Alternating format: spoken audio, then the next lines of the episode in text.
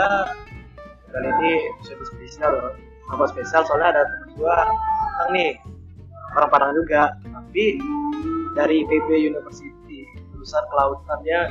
Kayak nge-share nih apa aja nih tentang kelautan. Kayak orang awam terus eh, pengalamannya salah satunya di kelautan macam-macam deh gitu. Ya udah langsung aja ya. Nih kenalan dulu. Hai, halo, nama gua Ben. Dan gua teman sama Bang Raffi. Eh, dan waktu itu sempat ngobrol sama Bang Raffi dan katanya dia ada podcast. Dan akhirnya singkat cerita kita memutuskan buat eh, sharing tentang dunia kelautan. Ya lebih kurang gitu kan. nah lu juga udah kayak ya lu kuliah di sana otomatis lebih mendalami lah dibanding orang awam kali ya Eh, dibilang terlalu mendalami sih enggak cuma setidaknya lebih mengetahui mungkin. sedikit ada ilmunya ada oke. Eh, ya udah deh langsung aja deh intro kelautan gimana sih? Serba serbi kelautan terus kenapa mau ngambil kelautan gimana sih? Kenapa gitu? Sebenarnya eh, cerita gimana gua bisa ambil kelautan itu mulanya eh, dari gue nih orangnya gimana ya? Gue tuh nggak terlalu suka sesuatu yang monoton dan lebih suka eh, suka sama alam. Maksudnya suka sama alam ini gimana ya? Jadi gue tuh kayak lebih antusias dengan kegiatan-kegiatan outdoor yang dengan alam dan lain sebagainya. Jadi saat waktu itu waktu SMA gue sempat kepikiran ada beberapa jurusan kayak biologi kehutanan dan kelautan. Tapi akhirnya gue uh, uh, memilih kelautan karena ya prospeknya terbilang lumayan sih. Bukan lumayan lagi sangat besar. Karena secara Indonesia 70 persennya ke laut uh, daerah laut. Dan kebetulan kemarin itu kan saat diskusi uh, kelautan ini sangat-sangat digalakkan sampai ada wacana Indonesia sebagai poros maritim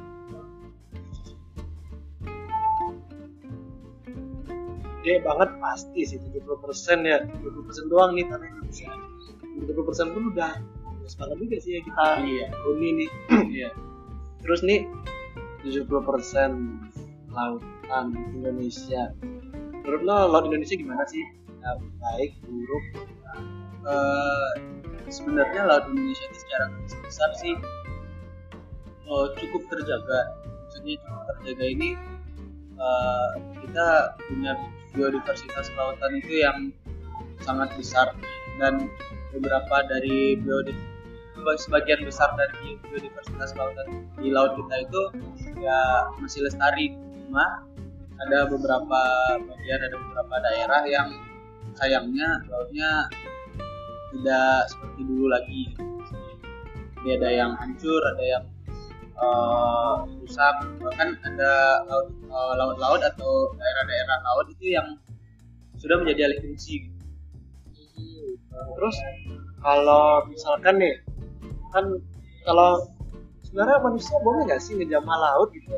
Biodiversitas laut gitu? boleh boleh banget. Karena ya yang kayak kita tahu kan eh, dengan jumlah populasi manusia sekarang ini yang sangat banyak terus ya, kebutuhan pangan yang juga akan berbanding lurus dengan eh, jumlah populasi itu pastinya kita nggak bisa ngeharapin full dari darat. Sedangkan manusia juga butuh tempat tinggal. Jadi ibaratnya ketika populasi bertambah banyak terus eh, manusia otomatis butuh tempat tinggal yang lebih luas dan darat yang digunakan untuk menjadi tempat tinggal itu juga semakin luas kan. Jadi otomatis daerah darat yang bisa dimanfaatkan makin minim ya? Ya sebagai pang- tempat sumber daya pangan itu makin minim. Terus alternatifnya ke mana? Ya laut. Laut. Cuma pemanfaatannya gimana dulu? Kita kan punya kode eh, bukan kode etik punya kayak semacam aturan-aturan yang harus kita patuhi yang harus kita eh, yang harus kita pedomani supaya gimana nanti eh, laut kita itu nggak selalu menghasilkan buat generasi berikutnya dan iya.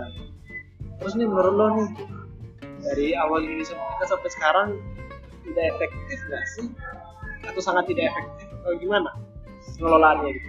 Eh, menurut gue ya gue sebagai anak lautan eh, pengelolaan laut di Indonesia itu bisa dibilang belakangan belakangan baru terbilang lumayan bagus. Maksudnya bagus gimana? Karena eh, belakangan beberapa regulasi beberapa eh, hal-hal yang harus diperhatikan sudah mulai eh, sudah mulai diperhatikan eh, oleh pemerintah. Eh, tapi kalau dulu kayaknya masih agak kurang. Cuma karena sudah mulai digalakkan sudah mulai diterapkan aturan-aturan yang eh, sudah ditetapkan itu setidaknya laut Indonesia bisa kita harap bisa makin terjaga lah ke depannya. Terus eh, kalau masalah pengolahan nih eh, berarti kalau kayak apa ya penangkapan ikan gimana gimana gitu sebenarnya harus gimana sih yang baiknya? Katanya ada tuh dulu yang uh, lobster lobster benih gitu. Benih lobster. Itu tuh seharusnya harus sampai gede itu apa dari benih itu gimana sih Eh, jadi sebenarnya kalau ngomong tentang apa pemanfaatan sumber daya laut kayak penangkapan ikan dan lain sebagainya itu eh, sedikit di luar bidang gua. Cuma ya tahu sedikit banyak gua tahu lah. Jadi nanti kalau misalnya sobat-sobat yang ngedengerin punya koreksi ya silahkan disampaikan bisa ke gua atau ke bang Rakif jadi eh, pemanfaatan sumber daya laut itu yang pastinya kita eh, harus menjaga pertama sustainabil sustainability-nya. Maksudnya berlangsungnya ada keberlangsungannya. Jadi gimana gimana kita menjaga keberlangsungannya salah satunya itu yang paling penting ketika ada satu pihak yang memanfaatkan laut. Contohnya menangkap ikan ya kalian memang harus berkomitmen dengan apa yang kalian tangkap itu sesuai aturan maksudnya. Jadi misalnya kalian mau nangkap ikan tongkol jangan sampai kalian nangkap ikan tongkol yang usianya eh, yang ukurannya kecil atau juvenil juvenilnya Eh, tangkaplah ikan tongkol yang emang eh, emang eh, ukuran yang udah harus ditangkap. Jadi maksudnya kenapa? Karena kalau misalnya eh, yang ditangkap itu benihnya berarti kesempatan ikan tongkol muda itu menjadi dewasa dan berkembang biak juga berkurang sehingga nanti stoknya di alam juga makin berkurang gitu. dan aturan yang sama itu sebenarnya juga berlaku bagi biota-biota laut lain kayak terumbu karang ataupun eh, kepiting dan lobster tadi. Nah, untuk kasus lobster yang kemarin sempat heboh itu, kenapa? Karena sebenarnya itu eh, kalau saya bilang kita sedikit bodoh. Kenapa bodoh? Karena eh, setahu sepengetahuan saya sampai sekarang ini eh, usaha budidaya lobster itu belum ada yang bisa me- melakukan pemilihan lobster. Jadi yang namanya budidaya lobster di di Indonesia ini adanya ya lobster juvenil atau lobster kecil ditangkap dari alam, dipelihara sampai jadi besar. Nah, setelah besar itu dijual. Nah, yang terjadi kemarin itu kita menangkap benih lalu kita jual ke pihak luar.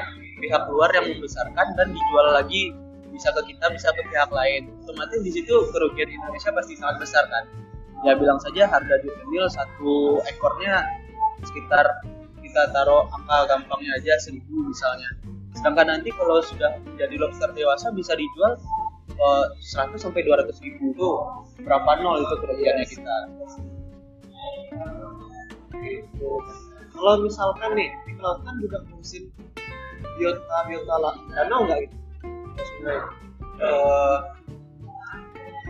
kalau itu kalau itu sih eh, sebenarnya enggak cuma eh, di jurusan kelautan itu fokusnya ke laut. Cuma kalau misalnya kita mengambil partisipasi dalam menjaga kelestarian itu sudah wajib hak kita semua dong. Walaupun jurusan teknik ataupun ekonomi segala macam itu juga udah awareness kita masing-masing. Cuma secara rinci tentang ilmu dan mendalaminya laut dan eh, sungai dan danau itu enggak juga kalau misalkan nih eh, ada kerusakan laut karena minyak bocor gitu.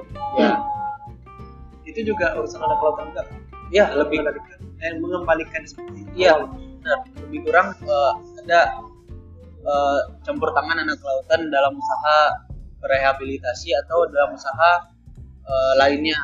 Misalnya eh, ada contoh kasus kilang minyak bocor eh, di laut A misalnya di laut A. Eh, terus eh, pihak pihak pengelola minyak itu pasti butuh data lingkungan mana man- data lingkungan mana yang tercemari sama eh, minyak yang tumpah tadi atau minyak yang bocor tadi. Nah di situ peran anak kelautan dalam mendata dan lain segala macam sehingga nanti dihasilkan satu nilai ekonomi yang harus diganti oleh pihak eh, yang bertanggung jawab. Kenapa gitu? Karena itu sudah aturan dari pemerintah kita sebenarnya. Jadi ada nilai-nilai eh, valuasi-valuasi ekonomi lingkungan ter eh, valuasi-valuasi lingkungan tertentu yang harus dipenuhi oleh eh, pihak-pihak perusahaan itu. Jadi lebih kurang kalau untuk minyak tumpah itu anak kelautannya dalam menilai valuasi ekonomi. Tapi di lain hal di kilang minyak sendiri mereka sepertinya juga butuh anak kelautan karena untuk apa eh, mereka itu punya tanggung jawab usaha-usaha yang memanfaatkan laut itu punya tanggung jawab untuk eh, melaporkan bagaimana keadaan laut sekitar tempat usaha mereka ke pemerintah dalam waktu tertentu. Jadi di situ juga pastinya butuh orang-orang yang paham tentang laut. iya Ini juga kalau misalkan nih sebenarnya bisa nggak ada kan kasus sama nih eh, minyak tumpah di laut itu bisa sebenarnya alam bisa mengembalikan diri seperti semula nggak sebenarnya? Bisa, eh, alam bisa mengembalikan seperti semula bisa. Itu eh, mungkin kita tahu di istilah pelajaran kita dulu saat SMA atau SMP eh, punya daya lenting, alam punya daya lenting sendiri. Tapi balik lagi eh, ketika alamnya dirusak secara terus menerus daya lenting alam itu sendiri tidak cukup sebenarnya untuk merehabilitasi, alam itu sendiri. Makanya butuh tangan manusia. Di samping itu eh, eh, kegiatan-kegiatan positif yang kita lakukan ke alam pasti nanti imba- imbasnya juga bakal baik kan? Maksudnya ketika eh, ada kerusakan alam tertentu daripada kita biarkan alam memperbaiki dirinya sendiri tidak ada salahnya kita menolong supaya eh, keadaannya lebih baik. Ya lebih cepat baik seperti semula Jadi kayak kayak kayak enzim kali ya manusianya di sana. Iya, gitu. sebagai sektor gitu. Nah, kurang. Terus lu selama lu ngedalamin ya ya kuliah di jurusan kelautan pengalaman lu di laut apa aja sih? Pengalaman mungkin kafe atau magang atau lapangan atau gimana gitu? Kalau kafe sih kebetulan di IPB nggak ada kafe. Tapi kalau magang pernah dan gua pernah magang terus eh, pernah beberapa kali turun lapang ke laut dan ada acara kegiatan himpunan untuk eh, acara kehimpunan yang balik ke laut. Ya namanya kita anak kelautan otomatis lahan ranah kita ya di laut dan kita balik ke laut. Terus udah pernah di mana aja? Eh, kalau IPB ya eh, biasanya itu tempat praktik IPB itu di daerah Kepulauan Seribu. Jadi kayak Pulau Pramuka, Pulau Harapan, Pulau Kelapa Dua, Pulau Kelapa ataupun pulau-pulau besar di Pulau Seribu lainnya. Dan juga kemarin saya gua berkesempatan buat eh, ke Pulau Sebira. Jadi Pulau Sebira itu pulau yang berada paling utara di Kepulauan Seribu posisinya itu kalau di peta tuh udah lebih dekat ke provinsi Lampung daripada ke Jakarta sebenarnya dan itu pengalaman di Pulau Seribu dan kemarin juga eh, sempat eh, dapat apa dapat kesempatan buat magang di Nusa Penida di Bali. itu terus yang di Kepulauan Seribu nih gimana sih kondisi laut dan sekitarnya apakah masih asri apa? Ada pengaruh dari turun Jakarta nggak sih? Kalau kita bicara Pulau Seribu itu Pulau Seribu Kepulauan Seribu itu luas. Jadi eh, daerah Kepulauan Seribu itu dibagi jadi selatan tengah utara gitu. Jadi kalau kalau yang gua lihat pribadi ya ini Pulau Seribu bagian selatan itu cenderung mengikuti keadaan gimana di Jakarta. Maksud gua ya gimana sih? Teluk Jakarta gitu. Nah, dan Pulau Seribu bagian selatan itu cenderung ke sana. Jadi ya dibilang bagus nggak bagus dibilang rusak nggak bisa jadi. Iya kalau yang tengah itu ya bagus banget enggak. Rusak banget enggak tapi rusak saja cuma yang utara itu kalau gua lihat itu masih terbilang bagus lah masih cukup terjaga dan walaupun sudah terjamah tapi setidaknya tidak serusak yang bagian lain Ya, lumayan lestari mungkin ya, ya. yang Terus kalau yang di Bali gimana menurut?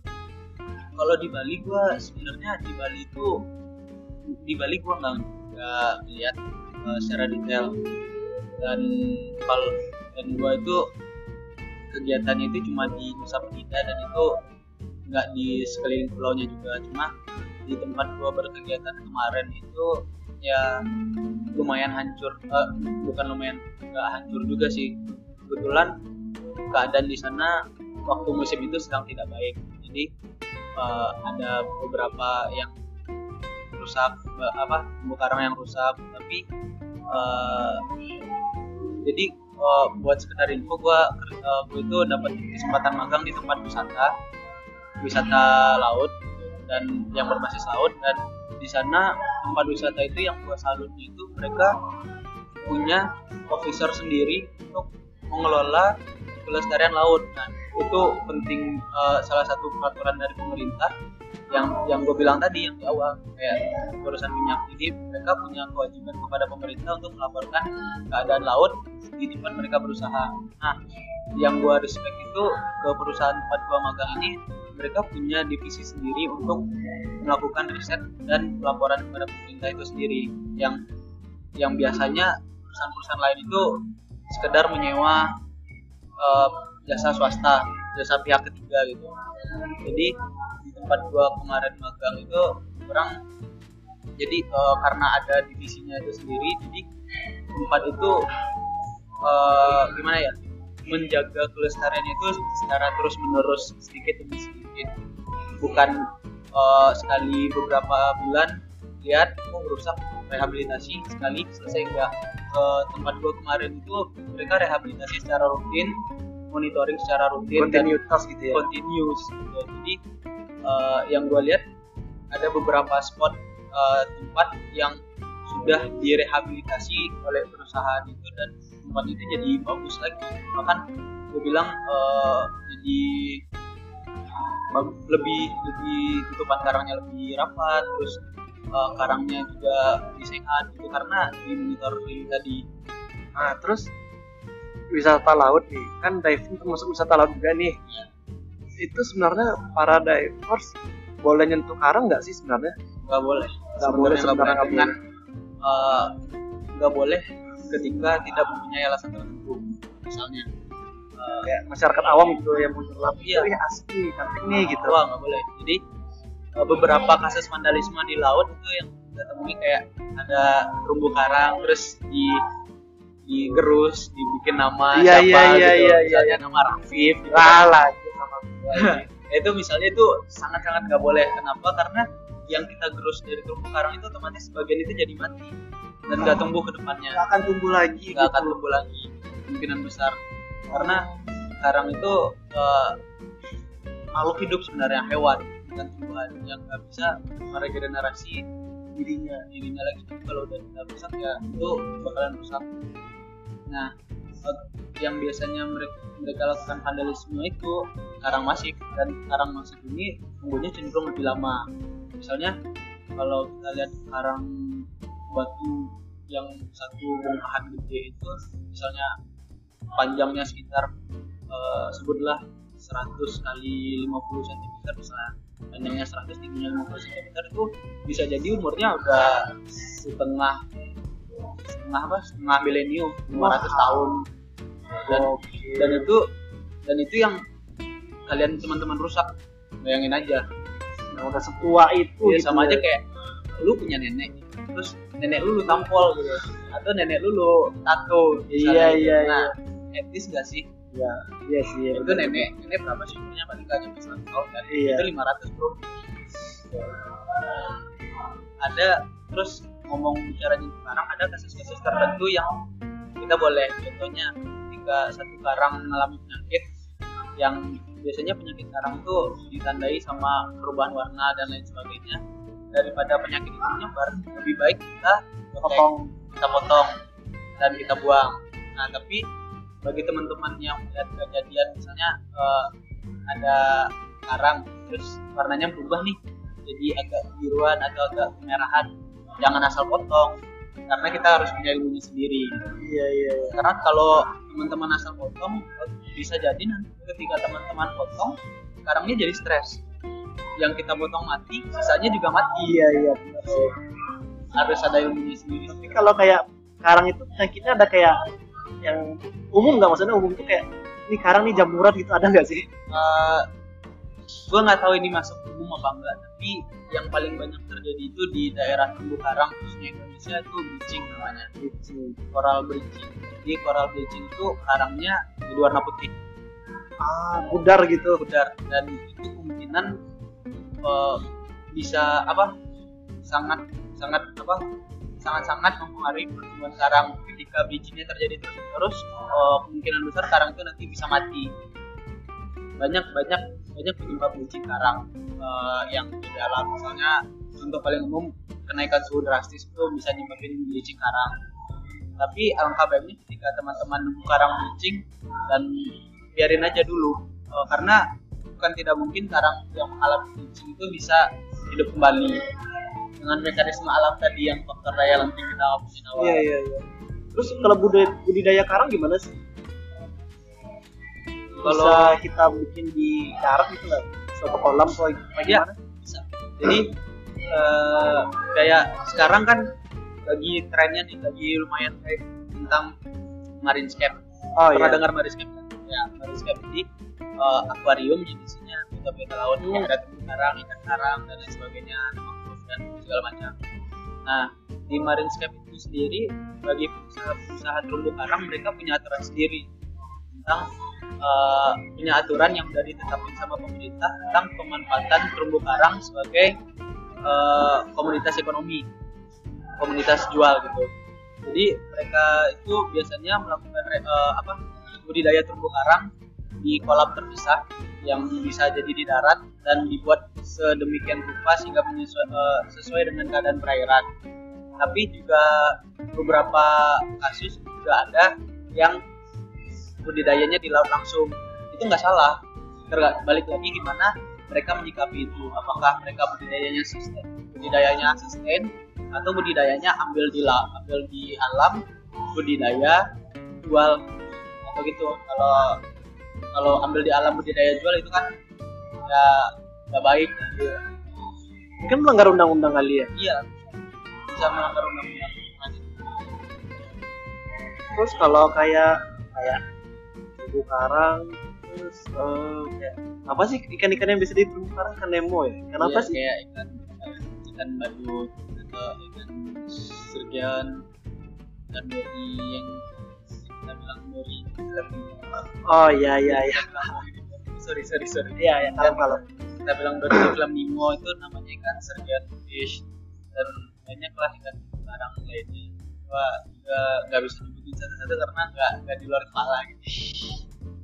Itu eh, ketersediaan ikan di terumbu karang itu balik lagi ke terumbu karangnya. Maka terumbu karang sehat kali ya? Iya, karangnya sehat atau enggak. Jadi eh, terumbu karang ini sedikit gambaran bagi teman-teman yang mungkin eh, lupa ataupun kabur ingatannya. Jadi kayak terumbu karang ini merupakan satu ekosistem yang sama seperti yang sama Hutan mungkin ya? tingkatan ekosistemnya seperti hutan hujan tropis. gitu.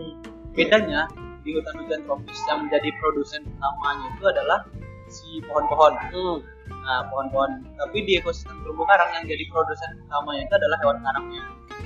Gitu. Jadi segala aktivitas lingkungan dikontrol oleh terumbu karang. Ketika terumbu karangnya rusak ataupun mati ataupun mengalami apa? Mengalami kondisi tertentu dari alam itu bakalan berpengaruh ke hewan-hewannya ya hewan-hewan yang ada di situ. Sama kayak lu eh, apa?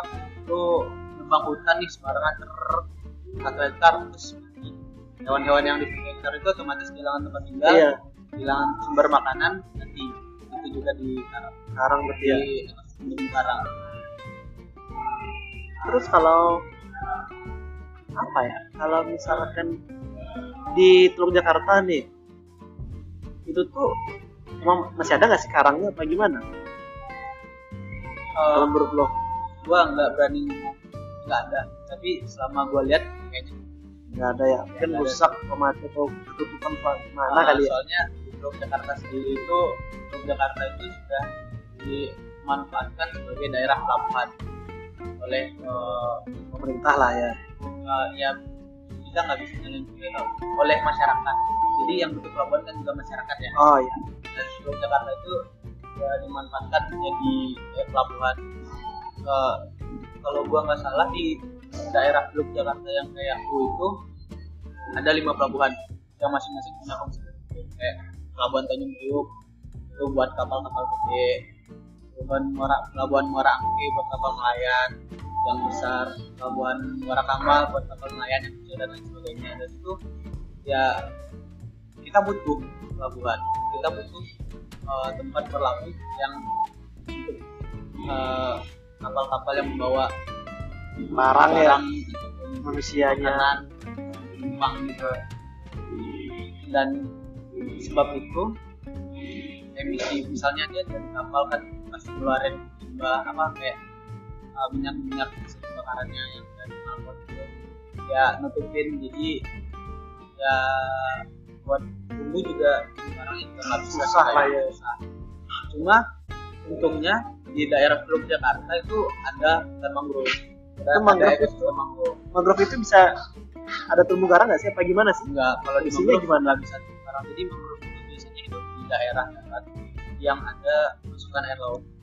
Payau berarti? Payau. Nggak payau. Oh nggak juga. Terus? Asin. Asin. Jadi nggak bisa payau. Cuma eh, payau-payau banget. Nggak juga sih. Ya. pokoknya darat ada masukan air laut. Bisa jadi dari bawah atau dari atas gitu. Eh, jadi mangrove itu eh, ya gitu. Jadi mangrove itu nanti juga bisa bikin sebuah ekosistem sendiri yang ada produsen dan nanti makanan dari dari makanan yang sangat di ekosistem itu bisa ada. Di untungnya Teluk Jakarta ada hutan sebut Pik saja ya? daerah pik gitu yang lumayan luas. Terus nih kalau menurut lo dari segi ilmu pengetahuan laut lo nih reklamasi perlu nggak sih sebenarnya Eh, sebenarnya perlu tidaknya reklamasi itu kalau kita menghadap apa mengesampingkan si ekonomisnya laut berdasarkan ilmu laut doang gitu. oh, kalau bisa sih enggak. Karena? Ya, karena apa pun yang kita lakukan di laut itu kita nggak tahu nanti ke depannya bakalan ada dampaknya bakalan bakalan negatif positif kan. Kita nggak tahu kayak gambling gambling yang sangat-sangat gambling. Kalau negatif pasti ya rugi gede lah kan istilahnya. Kalau misalnya nggak diperlukan banget ya nggak usah. Jangan ya. Ya jangan. Tapi kalau misalnya ada pertimbangan pertimbangan lain kayak eh, di Belanda misalnya. Dan di Belanda itu daratannya minim ya atau Singapura juga. mereka mendam laut di apa kayak apa ya kalau di Belanda Di- itu direklamasi di reklamasi timbun reklamasi tanah. warga Belanda butuh tempat tinggal dan mereka nggak punya tempat tinggal ya udah mereka ngedam terus itu ya sisi lainnya. Jadi segala sesuatunya tuh kayaknya harus di- dikaji dari berbagai sisi sih. Kalau ilmu ilmu pengetahuannya kali ya. Ya benar. Eh, terus kalau misalkan di dunia kelautan itu tuh diperlukan nggak sih dalam eh, eksplorasi tambang itu mungkin tambang bawah laut itu apa gimana? Eh, ilmu diperlukan sebenarnya. Jadi ada beberapa kayak gue di jurus jurusan gue kan ilmu dan teknologi kelautan di PB nah di situ kita ada belajar tentang eksplorasi laut. Nah di, eh, ada ilmu-ilmu tertentu yang kita gunakan nanti untuk mengeksplorasi sumber minyak dan lain segala macam.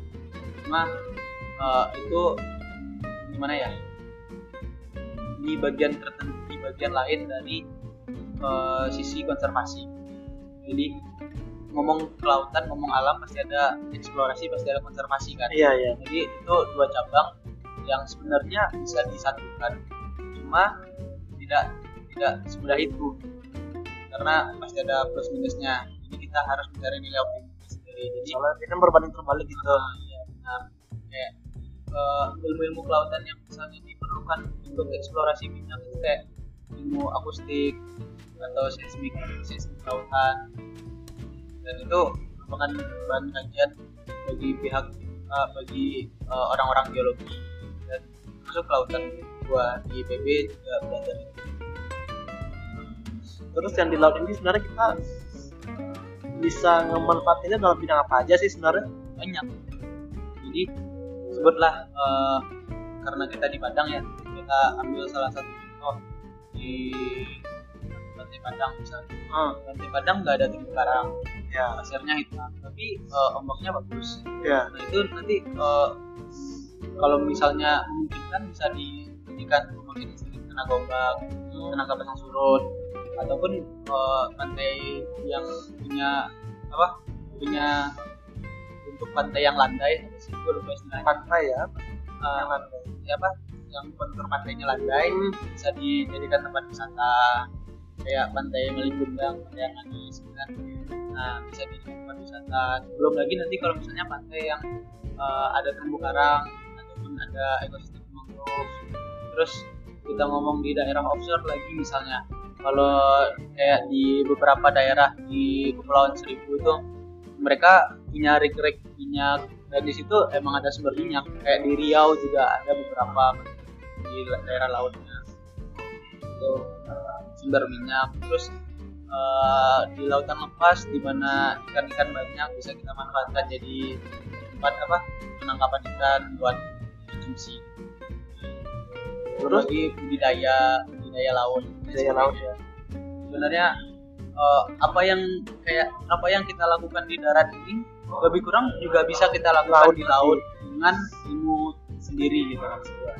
terus kalau misalkan nih ya manusia makin banyak otomatis kan limbah minimal limbah, limbah rumah tangga ada yang makin banyak itu sebenarnya gimana sih survive kan kayaknya orang pada buang ke sungai sungai juga Ya. ujung ke laut Ya, Besar itu, deh. itu bikin bete juga sebenarnya jadi kerusakan laut itu semuanya pasti sumbernya dari darat Ya. kenapa karena orang yang merusaknya pada di darat semua ya kan iya kan bermuara juga ke laut Iya. semua gitu dan muaranya ke laut semua. Jadi alangkah baiknya bagi teman-teman yang mendengarkan podcast ini yang masih buang sampah di selokan, buang sampah di sungai itu teman-teman cobalah semampunya menahan sampah- diri menahan diri dan alangkah lebih baik lagi kalau misalnya sampah-sampah yang teman-teman buang itu teman-teman proses dulu. Misalnya eh, pilah sampah organik dan anorganik terus sampah plastik dan sampah eh, limbah berbahaya kayak kaca baterai ataupun limbah bekas limbah bekas segala elektronik bekas dipisah dulu. Terus misalnya yang limbah organik bisa teman-teman olah menjadi kompos ataupun bisa eh, jadikan pupuk lain sebagainya. Terus yang plastik ataupun anorganik nanti bisa dibuang di tempat yang sudah disediakan. Sehingga nanti yang harusnya menjadi limbah ke laut itu bisa diminimalisir dan laut nggak rusak lingkungan nggak rusak. Karena buang sampah itu sendiri bukan ke laut gitu ke laut doang rusaknya jadi daerah pesisir sungai nggak bakalan rusak kan? Semuanya ya segala aspek. bahkan kalau misalnya buangnya di daerah hulu sungai itu bakalan mempengaruhi air eh, mata air mata air yang bawah-bawahnya kan? Iya iya iya. Terus? Eh kalau menurut perspektif lu pribadi nih gue minta opini lu nih. Masyarakatnya yang nggak patuh apa pemerintahnya yang nggak efektif menjalankan eh, aturan gitu? Gini eh, gue sebenarnya tipe orang yang gimana ya gue kasihan sama pemerintah. Selalu dijadikan bahan blaming oleh segenap bangsa ini. Karena eh, pemerintah gimana sih? Nggak becus ngatur nggak becus bikin regulasi segala macam. Ideanya tapi yang ngomong ini harusnya lu kalau bisa ngomong gitu berarti lu udah sadar kan? Lu salah. Kenapa nggak lu lakuin aja sendiri? Terus lu tularin ke orang-orang lain. Jadi di sini gue bakal bilang manusianya kitanya yang kurang awareness ketika kita sudah aware pasti pemerintah sadar dan uh, sebenarnya peraturan itu nggak nggak perlu kalau lu pada udah aware aware pribadi masing-masing. Pribadi masing-masing. Harusnya nih coba ya nggak tahu sih menurut gue coba aja lu tanamin gimana ya dari bangku SD mungkin dari pendidikan tinggi diterapin itu pendidikan kelautan itu gimana gimana gimana. Soalnya impactnya juga ke kita gitu yang di darat gitu. Benar kayaknya masih kurang atau minim kali Iya, ya jadi uh, lebih baik lagi kalau misalnya dari ini kita sudah diberikan pengetahuan tentang lingkungan dan tentang uh, hal-hal lain yang berkaitan dengan uh, kelangsungan hidup manusia. Kayak sampah misalnya yang hal-hal gampang. Sampah terus uh, apa? Oh, apa? Penggunaan air bersih minimalisir dan lain sebagainya gitu. Itu sebenarnya hal pokok yang harus dilakukan setiap manusia yang harus dijaga setiap manusia gitu. Gimana menyikapi limbah gimana menyikapi penggunaan uh, penggunaan apa? Penggunaan sumber daya alam. Walaupun sumber dayanya terbarukan tapi kalau ngomong air bersih sekarang air terbarukan. Cuma air bersih. Susah Iya, dong susah iya, nyarinya iya, iya. tuh. Iya nggak? Iya iya. Iya terus kalau sumber air bersih ini sebenarnya dari laut bisa diambil nggak sih? Air laut jadi air bersih. Bisa nggak sih? Eh, sekarang udah ada teknologinya yang namanya reverse osmosis. Jadi air laut nanti di osmosis osmo reverse osmosis osmo balik gitu. Jadi eh, air air purninya diambil air kadar garamnya dibuang. Bisa udah ada alatnya. Cuma kalau kita ngomong air bersih untuk kehidupan sehari-hari menggunakan alat reverse osmosis kayaknya belum bisa. Jadi kayak maksud gua emang lu air bersih nih eh, air hasil reverse osmosis itu yang notabene pun eh, harus pakai alat mahal dan dengan daya apa dengan usaha yang besar gitu lu mau pakai buat mandi gitu cukus cukus atau cuci piring iya sih. Atau apa cuci motor. Nah, ekonomis gitu. juga. nggak ekonomis lah ya. Nggak ekonomis gitu. sama aja kayak lu beli air galon terus air galon lu salin ke ember terus lu minum. Eh, Iya. terus lu mandi. Mandi mandi. Ya iya iya. Efektif belum Nggak efektif. berapa gitu.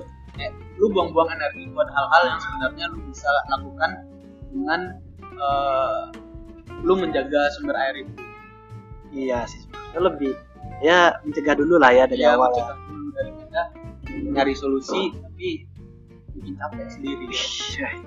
ya kayak orang sakit ya ya harusnya udah tahu itu tuh bikin kita sakit ya jangan dilakuin ya, daripada kita Iya. ke dokter dulu ini lagi Iya. itu lagi lu lu hujan-hujanan lu tau nanti bakal sakit tapi lu tetap hujan-hujanan elah nanti ada obat sama kayak gitu iya iya elah bisa reverse osmosis gue cuci motor pakai air reverse osmosis saja goblok iya iya iya iya. nah terus nih lu pernah nyelam gak sih pernah. Di mana aja? Eh, sebagian besar di pulau seribu dan sebesar itu kira-kira berapa dalam sih? Yang pernah lu dalamin Eh, itu? karena gua masih hidup masih mula gitu. Jadi gua nggak pernah lebih dari 20 meter. Karena eh, aturan di nyelam di dunia penyelaman itu punya jenjang dan punya aturan-aturan tertentu yang harus dipatuhi di tiap jenjangnya karena gua masih open water diver alias A1 gua masih belum boleh lebih dari 20 meter. Terus 20 meter itu udah mulai kerasa nggak kayak gendang Eh, ke sesat gitu iya. apa gimana? Paling eh, terasa itu getaran dari sekitar 7 8 meter sampai 10 meter. Udah mulai kerasa itu ya? kerasa. itu kita pengep apa gimana sih? Ya Pengap sih. Tapi nanti bagi teman-teman yang berminat eh, yang ingin tahu lebih lanjut tentang penyelaman eh, itu ada ilmunya ada cara menanggulanginya ada hal-hal yang harus kalian patuhi dulu. Jadi kayaknya kalau dibahas sekarang agak banyak. Terlalu panjang ya terlalu panjang. Next episode aja ya. Boleh boleh sih. Oke. episode ya. asik dong. Masa enggak sih kita nge-share ilmu? Asik. Dong. Daripada nongkrong gak jelas ya. Iya. Kayak gini. Sekarang kita ngobrol aja. Iya. kan ini podcast lagian podcast ya kan? Bisa di Di mana aja. aja? Di ya lu lagi ngapain? Perlu kuotanya juga dikit daripada YouTube ya kan iya soalnya cuman voice suara doang gitu. Lu lagi juga lu juga lagi di WC ini lagi pada boker gabut yang dengerin bisa juga dong. Bisa dong. Iya bisa bisa. Bisa bisa. Ya lu daripada lu ntar ya aneh-aneh aja lu kerjain nggak penting. Ngaco nih Ah, terus nih laut. Itu tuh eh, sebenarnya sih kan nih kita dulu belajar di sekolah nih. Ada laut dalam laut dangkal selat segala macam. Itu tuh sebenarnya di, di dunia kelautan sama apa beda sih dalam menyikapinya? Mungkin dalam budidayanya kan dalam pengelolaannya kan dalam apa kan beda beda. Beda. Pasti ada bedanya. Secara umum secara umum mungkin bisa dibilang sama cuma eh, secara teknik pasti ada bedanya kayak misalnya lu misalnya mau budidaya di laut yang kedalamannya sekitar 20 sampai 30 meter itu ada cara tertentunya. Eh, kayak harus mematuhi ini ini ini. Gue juga kurang tahu karena gue bukan anak budidaya ya. Cuma kalau lu mau melakukan eh, eksplorasi di laut dalam juga eh, ada caranya. Terus gini deh eh, yang sedikit gua pahami gitu. Tentang tools. Tools. Jadi eh, kita ngomong tadi kan sempat bahas ya tentang eksplorasi minyak atau tambang Hmm. offshore. Ya nah di situ mereka pasti pakai tools kan. Kayak alat sonar eh, apa eh, alat seismik dan lain sebagainya. Nah kalau lu eh, pakai ada alat alat-alat itu punya spesifikasi masing-masing jadi alat dengan spesifikasi A akan cocok di perairan dengan eh, kedalaman atau dengan kontur seperti A. Jadi lu nggak bisa pakai alat A di perairan B.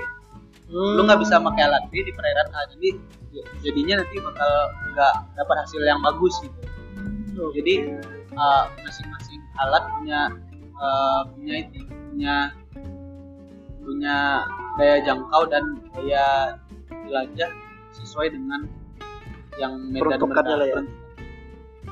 kayak puzzle lu nggak bisa asal naruh puzzle kan? iya iya iya Nah. iya.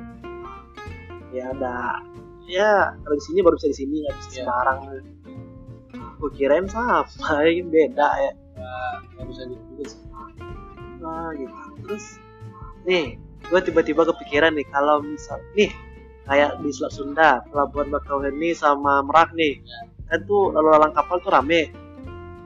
Di lalu- di antar pelabuhan itu ada kehidupan lautnya nggak sih? Waktu itu ada kehidupan di permukaannya rame gitu. Ada nggak sih sebenarnya? Gue belum pernah lewat Selat Sunda sih tapi kayaknya pasti ada. Pasti ada. Jadi sebenarnya ikan itu takut nggak sih sebenarnya sama keberadaan manusia rame gitu? Eh, kayaknya takut ya. Gue juga kurang ngerti gitu. Jadi eh, misalnya eh, kayak ikan-ikan tertentu itu cenderung eh, pasif terhadap mas- manusia. Jadi eh, maksudnya menghindari lah ya. menghindari. Dan ada yang sebagian jenis lain itu kayak mereka mau nunjukin eh, diri. iya nggak- Kayak lumba-lumba. masalah, masalah. lumba-lumba mungkin ya. balik lagi eh, tergantung gimana kita menyikapinya itu. Jadi misalnya nih lu punya lu punya ini lu punya eh, rumah di dekat laut. Terus lu sering kasih makan ikan-ikan yang ada di laut itu? Iya iya naik iya. kapal terus kasih makan ikan di sana. Otomatis si otomatis ikannya ikan itu nurut sama lu. Iya iya. Dan waktu lu masuk nyebur itu enak mereka nggak masalah. Iya iya. Cuma kalau lu nggak ngasih makan lu nyebur mereka pasti lari kan? Iya iya iya. Yang gak musuh lah ya. Ya bisa bisa gitu bisa ada yang sempat alami mereka gitu. Iya. dan itu gua sebenarnya juga kurang terlalu ngerti juga sih. Cuma dari pengamatan gua yang pernah gua lihat ya gitu. Kayak misalnya di wahana-wahana tempat wisata gitu misalnya. Ada tempat wisata yang melakukan fish feeding misalnya kan. Nah ikan-ikan yang di tempat lu lakuin fish feeding itu cenderung kalau lu datang nih mereka ngumpul kan Iya, iya, iya. karena dia taunya lu datang lu bakal ngasih makan. Kayak, kayak apa ya kayak mulut langsung tiba-tiba ke permukaan peluk peluk nah, gitu ya. iya, kayak gitu kayak ikan di apa? Di kolam. Di kolam ya. Ya. gitu. Lu datang nih lu misalnya datang terus goyang-goyangin air apa cipratin air mereka datang iya iya iya iya. gitu. Orang tapi kalau ikan di sungai lu datang mereka cabut. Iya iya iya iya. Eh, apa lagi ya? Atau lu ada yang lo ada yang mau lu sampein nggak ke teman-teman yang ini udah closing ya berarti ya? Mau lanjut lagi boleh. Eh, gue bingung juga sih mau nanya apa lagi atau ya ada. Sebenarnya sih kalau kalau episode pertama ini kita ngomongin secara umum kayaknya udah cukup sih. Udah cukup sih ya. udah lumayan inilah tapi kalau misalnya apa? Sobat-sobat apa sih nama podcast lu? Ya Kaulah katanya- muda. katanya katanya muda. sobat-sobat katanya muda. Ada pertanyaan bisa ditanyain nanti ke Bang Rafif atau ke gua. Nih nama IG-nya Azari Benyamin lu bisa DM bisa follow boleh boleh. Ya jomblo kok boleh kok. Ya ke gua juga bisa ke Raffi.ak lu mau ngasih saran apa buat next episode-nya? Atau lu mau ngasih ya kritikan juga boleh sok Iya. silakan. Uh, kritikan yang membangun membangun. Masa ah apa sih lu podcast lu nggak jelas itu Ya. nggak membangun kan? Ya. Ya nggak jelasnya gimana ya kan jelasnya gimana dulu kan lu kasih harusnya dulu harus kayak gini gini gini ya. Nah itu gua setuju. Setuju ya bebas sih. Menurut gue sih yang umumnya nggak terlalu berat lah berat lah sekarang gitu. Ntar next episode mungkin lebih detail atau ya jadi tiga episode pun boleh sih. Tergantung Boleh, sih boleh. hari nih panggilannya hari sih Ben. Ya bebas lah lu mau manggil apa nih. Eh, jadi pesan gue sih buat teman-teman yang dengar podcast ini eh, lebih aware lagi bukan cuma sama laut tapi sama lingkungan sekitar sama orang-orang sekitar juga termasuk lingkungan dan jadi eh, apa yang teman-teman bisa lakukan yang hal itu positif apa salahnya teman-teman lakukan. Toh nggak bakal merugi bagi teman-teman yang memiliki kepercayaan atau memiliki agama kepercayaan agama pasti nanti bakal ada imbasnya setidaknya pahala ataupun dan lain sebagainya terus pesan gua lagi buat teman-teman yang akan akan telah dan ber- akan bergelut dengan dunia laut telah bergelut dengan dunia laut atau sedang bergelut dengan dunia laut itu teman-teman eh, jangan lupa laut itu alam yang bukan kita yang punya tapi yang punya yang maha kuasa. Jadi kita dititip terus suruh harus Jaga, dijaga. Kita ya. harus dijaga jangan sampai eh, pemiliknya murka. pemiliknya buka gue Ya. takut nih ngomong ya. Ya itu deh. Ya kayak kita deh kita ya minjemin barang nih ke orang. Ya nggak mau dong barang kita rusak dong ya itu juga Yoi. sih gitu. Harus terjaga soalnya inputnya bukan kita doang.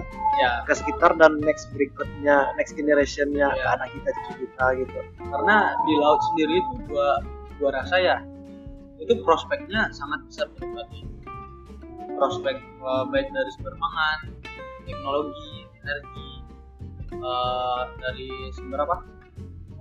Segala macam lah transportasi dan segala macam itu sangat besar ke depannya sangat bisa dimanfaatkan ke depannya. Tapi manfaatkan yang gimana dulu? Kalau misalnya kita manfaatkan sekedar manfaatkan yang penting tujuan kita tercapai ya bisa jadi nanti hancur duluan. Lautnya Iya, iya. nggak ada buat 100 atau 20 30 50 tahun ke depan nggak bakal dapat. Tapi kalau misalnya kita manfaatkan dengan perhatikan keadaan sekitar yang bilang tadi kita harus aware gitu ya bisa jadi seribu tahun ke depan masih bisa dimanfaatkan. Bagaimana kita manfaatin sekarang.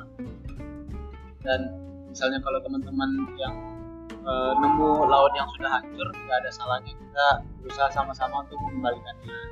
Contoh paling gampang ya uh, hmm benar-benar dan eh, sekarang nih gua dengar-dengar di Padang juga tahun lalu ya karena sekarang lagi wabah covid kebetulan dan kegiatan itu jadi kurang aktif. Tapi tahun lalu itu beberapa kali sempat ada coastal clean up di Padang dan itu berjalan dengan baik. Katanya gue juga nggak melihat secara langsung tapi ya gue appreciate banget sama orang-orang yang melakukan organisasi itu. Maupun baik pemerintah maupun NGO ataupun paguyuban dan lain segala macam gue appreciate iya iya. Berarti mereka sadar dan aware. ini bisa sedikit nge-influence orang-orang sekitar kali ya mungkin yang ya tiba-tiba ngeliat deh ngapain sih nih bikin sampah nih keren juga nih ini Iya, mana tahu ya nge-stimulus mereka dah ya setuju karena ide itu bisa punya siapa aja. Tapi eksekusi itu orang-orang yang punya mental kuat dan kemauan tinggi kemauan tinggi gitu tentu semua orang punya tentu semua orang ide mungkin ide itu punya bisa, punya siapa siapa pun gitu ya ya benar eksekusi ya kita nggak tahu siapa gitu aja. ada lagi nggak yang lu mau nyampaikan Cukup sih. cukup sih misalnya ada yang nanyain sok DM kampus.angka Bisa juga Azari Benyamin at Ariben at Ariben. double i N. Oke, oke. Thank you, bro. Thank you thank you juga Oke. me. Makasih juga udah dengerin podcast kami sampai habis, sampai kelar. Thanks banget loh buat apresiasinya. Lu udah denger sampai habis, udah apresiasi banget berdua. Thank you so much. Bye. bye